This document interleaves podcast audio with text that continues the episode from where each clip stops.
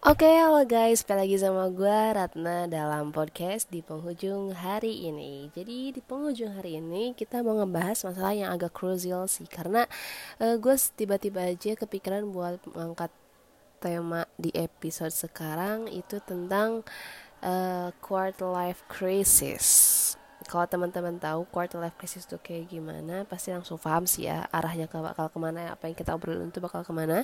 Cuman kalau buat teman-teman yang kayak baru kenal nih quarter life crisis kayak gitu boleh langsung tetap standby buat dengerin podcast gue hari ini. Dan balik lagi sama gue Ratna dalam di penghujung hari ini. Kita langsung aja ke pembahasan utamanya. Kenapa gue ngangkat uh, tema quarter life crisis pada episode kali ini? Karena akhir-akhir itu kayak gue sering banget ngeliat story teman-teman gue yang masih umuran umuran 21-22an for information. Gue sekarang umur 21 tahun menuju 22 jadi banyak banget teman-teman gue yang sekarang galaunya itu kayak galau bukan galau yang anak cinta monyet gitu lagi cuman galaunya emang udah galau about love life and patientnya itu emang udah ngarah ke hal yang serius sih. Kayak sekarang udah 22 tahun tapi gue jobless gak ada kerjaan. Teman-teman gue ada beberapa yang udah lulus dan mereka juga belum dapat kerjaan. Dan gue sendiri kayak gue udah 22 tahun dan gue belum lulus gitu karena emang gue sendiri sih masuk kuliahnya kan telat 2 tahun gitu ya. Dan kadang gue juga kayak ngerasa ya anjir kayak minder banget kalau kumpul kalau ditanya sekarang semester berapa gitu. Karena teman-teman gue umuran sekarang tuh udah umuran nyusun skripsi udah mau lulus gitu dan gue masih berkutat dengan kuliah dan SKS yang masih banyak gitu. Jadi kadang krisis emosional sih ya kalau menurut gue quarter life crisis tuh kayak krisis emosional banget. Sekarang lihat orang sukses dikit aja udah kayak eh anjir irinya itu ah bikin kesal gitu loh. Gue nggak tahu ya teman-teman kalian itu mikirnya kayak gimana? Tapi gue sendiri umur 21 menuju 22 ini gue benar-benar kayak stresnya tuh stres nyusahin diri banget. Padahal sebenarnya kita bisa sih ya bersikap buat bodo amat gitu. Cuman that's hard. Itu susah. Jujur itu susah banget. Nah, jadi di sini gue sengaja angkat tema ini karena gue pengen banget ngajak diskusi nih buat teman-teman khususnya yang dengerin podcast gue dan mungkin kalian juga punya pengalaman yang sama-sama kayak gue atau uh, mungkin berbagi kisahnya di umur 21 atau 22 ini.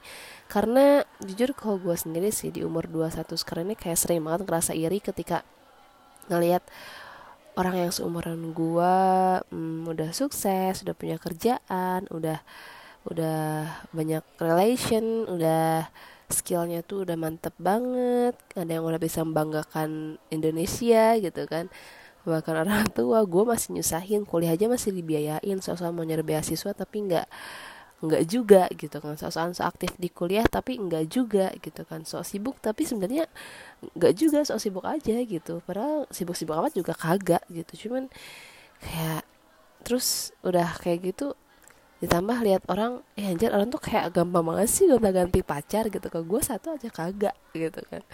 Yang nembak juga nggak ada gitu kan. Temen cowok ya banyak. Cuman ya ya ya gitu semua. Gue nggak tahu tuh cowok tuh ke nggak nggak tertarik apa gimana sih. Ya udahlah ya gue gue sebenarnya nggak terlalu mikirin tentang masalah love nya kayak gitu sih. Cuman kadang kita perlu lah ya ah ya udah oke kita langsung aja ke quarter life crisis. Nah kenapa jadi bahas gua nih?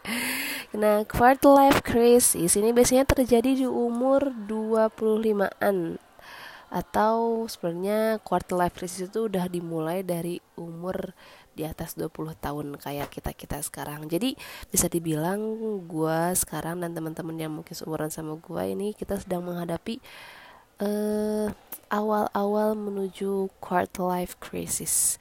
Jadi seperti yang gue katakan di awal, kalau quarter life crisis itu kayak kita akan mengalami krisis emosional yang um, labil sih bahasanya ya. Yang emang kita sebelumnya nggak kayak gitu, cuman sekarang tiba-tiba kita emosionalnya tuh main banget gitu dalam berbagai hal.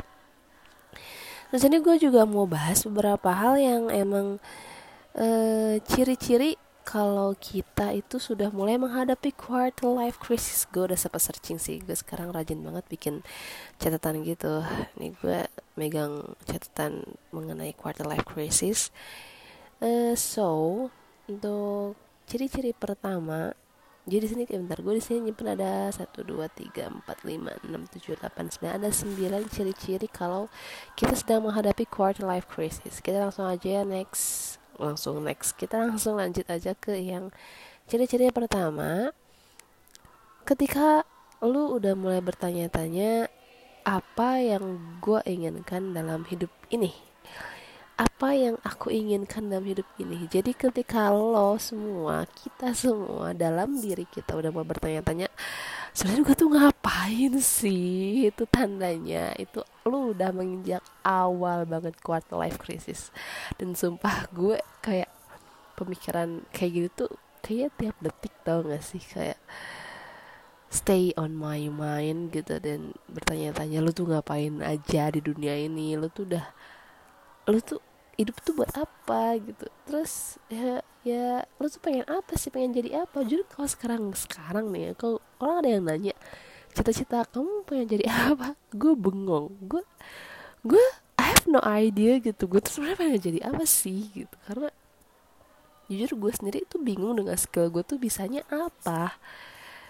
Nah, terus habis kayak gitu itu uh, ciri-ciri pertama. Terus kita lanjut ke ciri-ciri yang kedua itu. Gue pengen ketawa dulu nih. Ciri-ciri kedua itu ketika kita udah mulai sering buat ngedengerin lagu-lagu sendu.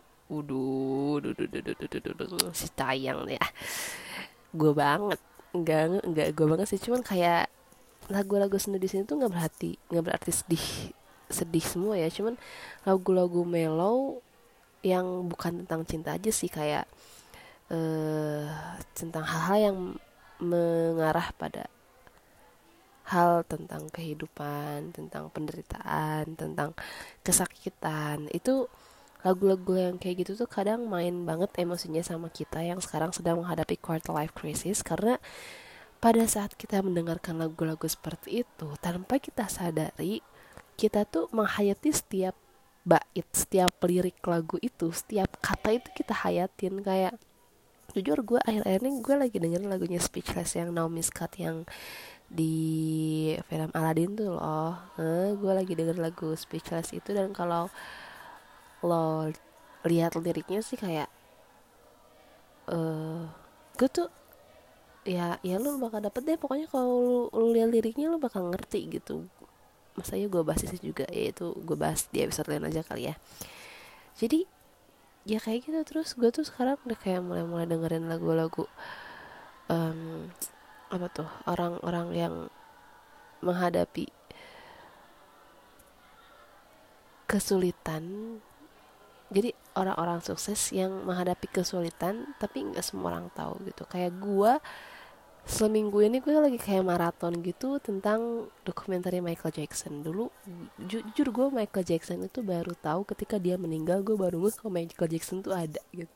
Itu 2009 gue masih kelas 1 SMP terus berita kematian atau meninggalnya Michael Jackson itu kan booming banget tuh ya dan gue lihat di TV kayak Ih, siapa sih Michael Jackson? Itu gue baru searching gitu dan ya dulu searching searching ya searching doang gitu. Cuman akhir-akhir ini gue nggak tahu gara-gara apa ya awalnya gue gue gue penasaran gitu ada lewat gitu kan di YouTube kayak dokumentari film dokumentarinya Michael Jackson terus itu film itu tuh kayak nyeritain dia dari kecil dari Jackson 5 sampai dia uh, jadi solo kemudian dengan lagu Billie Jean dan sampai dia nikah punya anak dan meninggalnya itu diceritain semua kan di situ dan di situ kayak gue mikir anjir sampai setingkat king of pop pun dia mengalami mengalami penderitaan yang segitunya gitu. I mean situ kan kayak mulai menghayati juga kehidupan dia gitu. Terus gue mulai ngikutin lagu-lagu dia yang sedih-sedihnya gitu. Terus gue dengerin lirik-liriknya. Terus gue juga kemarin itu kayak nah apa sih lagu Lihai yang siapa sih yang vokalis boyband Shiny itu loh. Ya boyband semua vokalis ya. Maksudnya leader uh, leadernya Shiny itu yang meninggal tuh tuh. Nah dia tuh yang bikin lagunya si Lihai ini. Duh gue lupa lagi judul lagunya apa. Pokoknya gue ikutin liriknya Gue cari artinya ya anjir kayak ngerasa banget. Dia tuh kayak kesepian gitu. Terus gue kayak mencer Itu gue kayak ngeliat cerminan diri gitu. Ketika gue menghayati lirik-liriknya itu ya kayak ya iya anjir melo banget deh gue ya. Cuman ya udahlah ya karena mungkin tuh ya ketika gue baca ciri-ciri quarter life crisis itu yaitu ketika kita sudah mulai menghayati lagu-lagu sendu terus tiba-tiba nangis gitu kan. Nangis meratapi penderitaan diri sendiri gitu. Ya itu gue sih gue banget. Gue kadang tiba-tiba nangis gitu karena cinta gue bertepuk sebelah tangan gitu. Aduh sedih banget. Atau gue tiba-tiba nangis karena orang-orang yang gue harapin ternyata gak sesuai ekspektasi gitu. terus tiba-tiba nangis karena kok gue gini-gini aja sih gak maju-maju padahal teman-teman gue banyak banget yang bisa melakukan banyak banget pencapaian gitu terus tiba-tiba kadang tiba-tiba nangis cuman karena gara-gara lihat orang yang dulu gue pikir bisa ngebahagian gue ternyata dia yang justru nyakitin gue dan ngebahagian orang lain gitu ya. Ya udahlah ya. Oke okay, next. Kita langsung ke ciri-ciri ketiga dari quarter life crisis itu ketika kita sudah ngerasa hidup kita gini-gini aja. Every day setiap hari. Jujur itu gue banget. Gue ngerasa hidup gue gini-gini aja setiap hari. Apalagi tambah kalau gue lagi gak ada kerjaan tuh anjir gue tuh gak gak guna banget hidup di dunia ini masya allah. Dan mohon maaf nih kata anjirnya keluar ya. Uh, gue kayak ngerasa udah apa apaan sih? gitu kan. Terus ya udahlah udahlah udah gak usah dipikirin. Intinya gue emang lagi menghadapi quarter life crisis dan gue selalu bertanya kenapa hidup gini-gini aja? Everyday kemudian ciri-ciri keempat itu ketika kita ngerasa pengeluaran yang kita keluarkan itu lebih banyak daripada penghasilan yang kita dapatkan. Penghasilan gue bisa dibilang itu dikit banget. Gue masih bergantung banget sama orang tua jujur. Dan gue malu banget. Di umur 22 gue masih bergantung sama orang tua. Gue belum punya kerjaan tetap. Gue suka kadang freelance tapi itu pun jangan berharap banyak. Itu pun jarang kayaknya kayak sebulan sekali atau kadang tiga bulan sekali gue dapet freelance itu. Dan itu pun cuma sekali kerjanya. Dan itu kayak eh anjir gak worth it banget Nah, terus sedangkan gue banyak banget pengeluaran dimulai dari kuliah dan juga gaya hidup. Dan gue kadang kayak kesel sendiri sama gaya hidup gue yang sok kaya padahal nggak punya duit. Itu duit orang tua semua gitu kan. Sok pengen hype piece sok pengen sok pengen hit gitu kan. Sok pengen nge-style tapi itu lu nggak punya duit gitu. Lu tuh nge-style pakai duit nyokap bokap dan pakai duit orang tua dan lu bangga itu nggak usah diikutin guys. Itu jangan banget deh lo berpikir buat jadi anak hits pakai duit orang tua karena itu nggak asik banget sumpah. Itu nggak ngebanggain banget. Gue malah ngerasa kayak iya apaan sih lo malu-maluin? Kemudian langsung kita ke ciri-ciri kelima dari quarter life crisis itu yaitu kita mulai sering merasa gelisah dengan urusan negara. Guys betul banget nih. Sok sok peduli banget sama negara. Kayak kayak kemarin nih kemarin banget nih ketika Pak Jokowi nerangin kau ibu kota resmi pindah ke Kalimantan. Terus lu kayak mikirin banyak hal yang lu sendiri nggak bisa ngapa-ngapain Bambang. Sok ikut berperan padahal lu nggak ngapa-ngapain juga Maimunah elah. Terus kadang ketika lu tahu berita tentang kalau Indonesia hutangnya makin banyak ini gini dan sebagainya gitu kan. Terus lu protes ini kenapa sih pemerintah kayak gini gini gini gini? Kenapa banyak hutangnya? Kenapa nggak mikirin kesejahteraan rakyat lu kenapa banyak pengangguran? Kenapa? Ya pokoknya banyak banget kenapanya tapi lu nggak ngasih jawaban dan lu cuma bisanya protes dan lu gak bikin action dan lu cuma diam aja dan lu cuma banyak omong dan lu nggak bisa bantu apa apa dan itu bacot namanya. Itu gue banget gitu.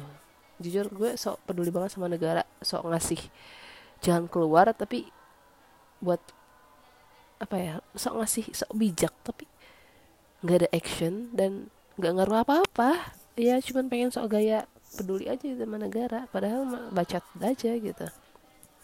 Udah kayak lu tau nggak sih yang peribahasa tong kosong nyaring bunyinya itu loh? Ya itu gua Terus kemudian yang keenam itu adalah quarter eh ciri-ciri quarter life crisis itu yaitu ketika kita mulai nyari kerjaan freelance. Di gue udah bahas ya kalau misalkan teman-teman sekarang yang sedang mencari freelance itu tandanya kita sedang menghadapi quarter life crisis. Kenapa kita nyari freelance? Karena kita belum punya ijazah. Lulusan juga lulus wisuda juga, lulus wisuda, lulus kuliah juga belum, wisuda juga belum. Lu mau ngambil kerja yang full time tapi lu masih ngerasa sayang banget sama kuliah terus pokoknya kita belum berani ngambil resiko gede gitu. Jadi kita nyari uh, apa tuh jalan keluarnya dengan nyari freelance. Karena kita butuh pemasukan tapi kita masih perlu kuliah di mana kalau teman-teman yang kuliahnya mungkin ngambil kelas reguler separuh dari kehidupan lo itu diambil di perkuliahan atau apalagi yang ngambil organisasi di kuliah itu kayak 80% kehidupan lo itu di kuliah di kampus gitu. Dan lo masih butuh duit dan lo sosok nyari freelance kayak gitu. Padahal freelance itu juga ya tergantung sih ya. Tapi kalau gue sendiri freelance yang gue cari itu freelance yang gak worth it sih kalau buat gue sebenarnya pendapatannya gitu. Ya udahlah. Ternyata kita ke ciri-ciri nomor tujuh yaitu ketika kita dihadapkan dengan dua pilihan. Pilihan pertama itu ketika kita memilih untuk kita ingin nyaman di zona kita tapi ya gitu-gitu aja gitu. Jadi nggak ada peningkatan. Tapi kita nyaman dengan hal itu. Atau pilihan kedua itu kita pengen mencoba hal baru yang penuh dengan tantangan. Jadi kita keluar dari comfort zone keluar dari zona nyaman kita mencoba hal baru. Dan ya kita dihadapkan dengan pilihan itu sekarang. Kita mencoba untuk tetap berada di comfort zone kita sekarang di tempat kita yang paling nyaman. Kalau gue sih sekarang tempat paling nyaman tuh di kasur ya. Lu nggak guna banget ada loh ya udahlah tiap orang beda ya. Tapi jujur kalau sekarang gue comfort zone gue lagi di kasur sih. Di kasur pegang hp nonton drakor nonton film dengerin musik nyanyi karaokean nonton. Ih tuh nggak ada yang ngasilin duit banget sih terus ya kita dipihakkan dengan pilihan itu tetap nyaman dan gitu-gitu aja. Atau kita perlu keluar dari zona nyaman dan mencoba hal baru dan menghadapi semua tantangan. Kayak gitu. Nah itu kalau kalian sekarang sedang berada dalam pilihan seperti itu means that you are in quarter life crisis. Welcome in quarter life crisis guys. Berarti lu bareng sama gue kita sedang berada dalam zona yang sama kita lanjut ke ciri-ciri nomor 8 itu ketika kamu gak tahu ke mana harus mencari jawaban. Banyak banget orang yang sekarang tuh nanya ke gua ya kayak curhat gitu lah. Terus kira-kira gue harus ngapain? Pertanyaan terakhir dia tuh kayak gitu. kira-kira gue harus ngapain nih gitu. Jujur gue sendiri kayak lu nanya sama gue padahal gue juga bingung nyari jawaban gue tuh ke mana gitu kayak tapi gue nggak mau kayak ngecewain teman gue ya. Masa iya gue bilang lu ngapain nanya gue sih? Udah tuh gue kan bisa ngasih jawaban gitu kan. Cuman nggak lah gue di situ kayak nyoba jadi pendengar baik dulu aja lah ya. Gue dengerin aja sih dia curhat semua curhatan dia baik buruknya gue dengerin semua. Terus di akhir kayak gue bilang kita juga sama-sama belajar sih. Gue juga sekarang lagi mencoba buat nyari jawaban aku sendiri di mana dan kamu juga lagi mencoba buat nyari jawaban kamu di mana dan oke okay lah hari kita sering-sering aja sharing kayak gini. Mungkin ketika kita lebih sering sharing kayak gini kita akan menemukan jalan eh, menemukan jalan menemukan jawaban berjalan dengan waktu yang terus berputar ini gitu. Anjay sebisa banget sih kata-kata gue. Kayak intinya kayak gitu sih kayak jujur kayak sekarang gue lagi pengen banget kerja tapi nggak berusaha nyari kerja itu. Gue sekarang ada kayak freelance gitu ngajar. Uh, dan jujur kayak gue nggak ngajar itu nggak terlalu uh, expert banget sih. Dan gue jujur sih gak terlalu nyaman sih ketika ngajar jujur. Gue lebih nyaman buat nge-MC kayak gitu. Cuman gue nggak bisa dong bergantung ke MC doang kan MC nggak jelas ya. Maksudnya jadwalnya juga nggak tetap gitu. Tapi gue tetap aja ya udahlah jalanin dulu aja yang sekarang gitu kan. Terus kayak gue juga kayak bertanya-tanya gitu kayak gue tuh deket sama cowok tuh sering banget deketnya tuh deket banget tapi sering juga tiba-tiba cowok tuh hilang semua kan BGST gitu bahasanya. Lo tau BGST gak sih? Ya BGST singkat dari bangsat ya. Aduh maaf nih kasar. Tapi serius tuh cowok tuh kayak gak mikir apa gimana sih? Kadang gue tuh nyari jawaban kok mereka tiba-tiba pergi gitu aja? Gitu. Padahal mereka udah mereka tuh dapetin hati gue mereka tuh dapat perhatian gue terus ketika gue udah mulai perhatian sama mereka mereka nya hilang. Thanks God gitu kan. Udah makin menderita lah gue ketika lo ngerasa kesepian sendirian tuh orang-orang yang lo harapin juga pergi ah mantap. Siap siap. Oke kita lanjut aja ke ciri-ciri terakhir itu ketika kita uh, bentar gue gue gue gak ngerti yang gue tulis gue tulis apa sih? Untuk memperbaiki. Ah ah ah hmm. ciri-ciri terakhir yang gue simpulin dari quarter life crisis itu ketika kita mulai yakin kalau proses yang sekarang kita hadapin atau kita laluin saat ini atau kehidupan yang saat ini sedang kita jalanin itu adalah merupakan sebuah proses untuk memperbaiki semuanya.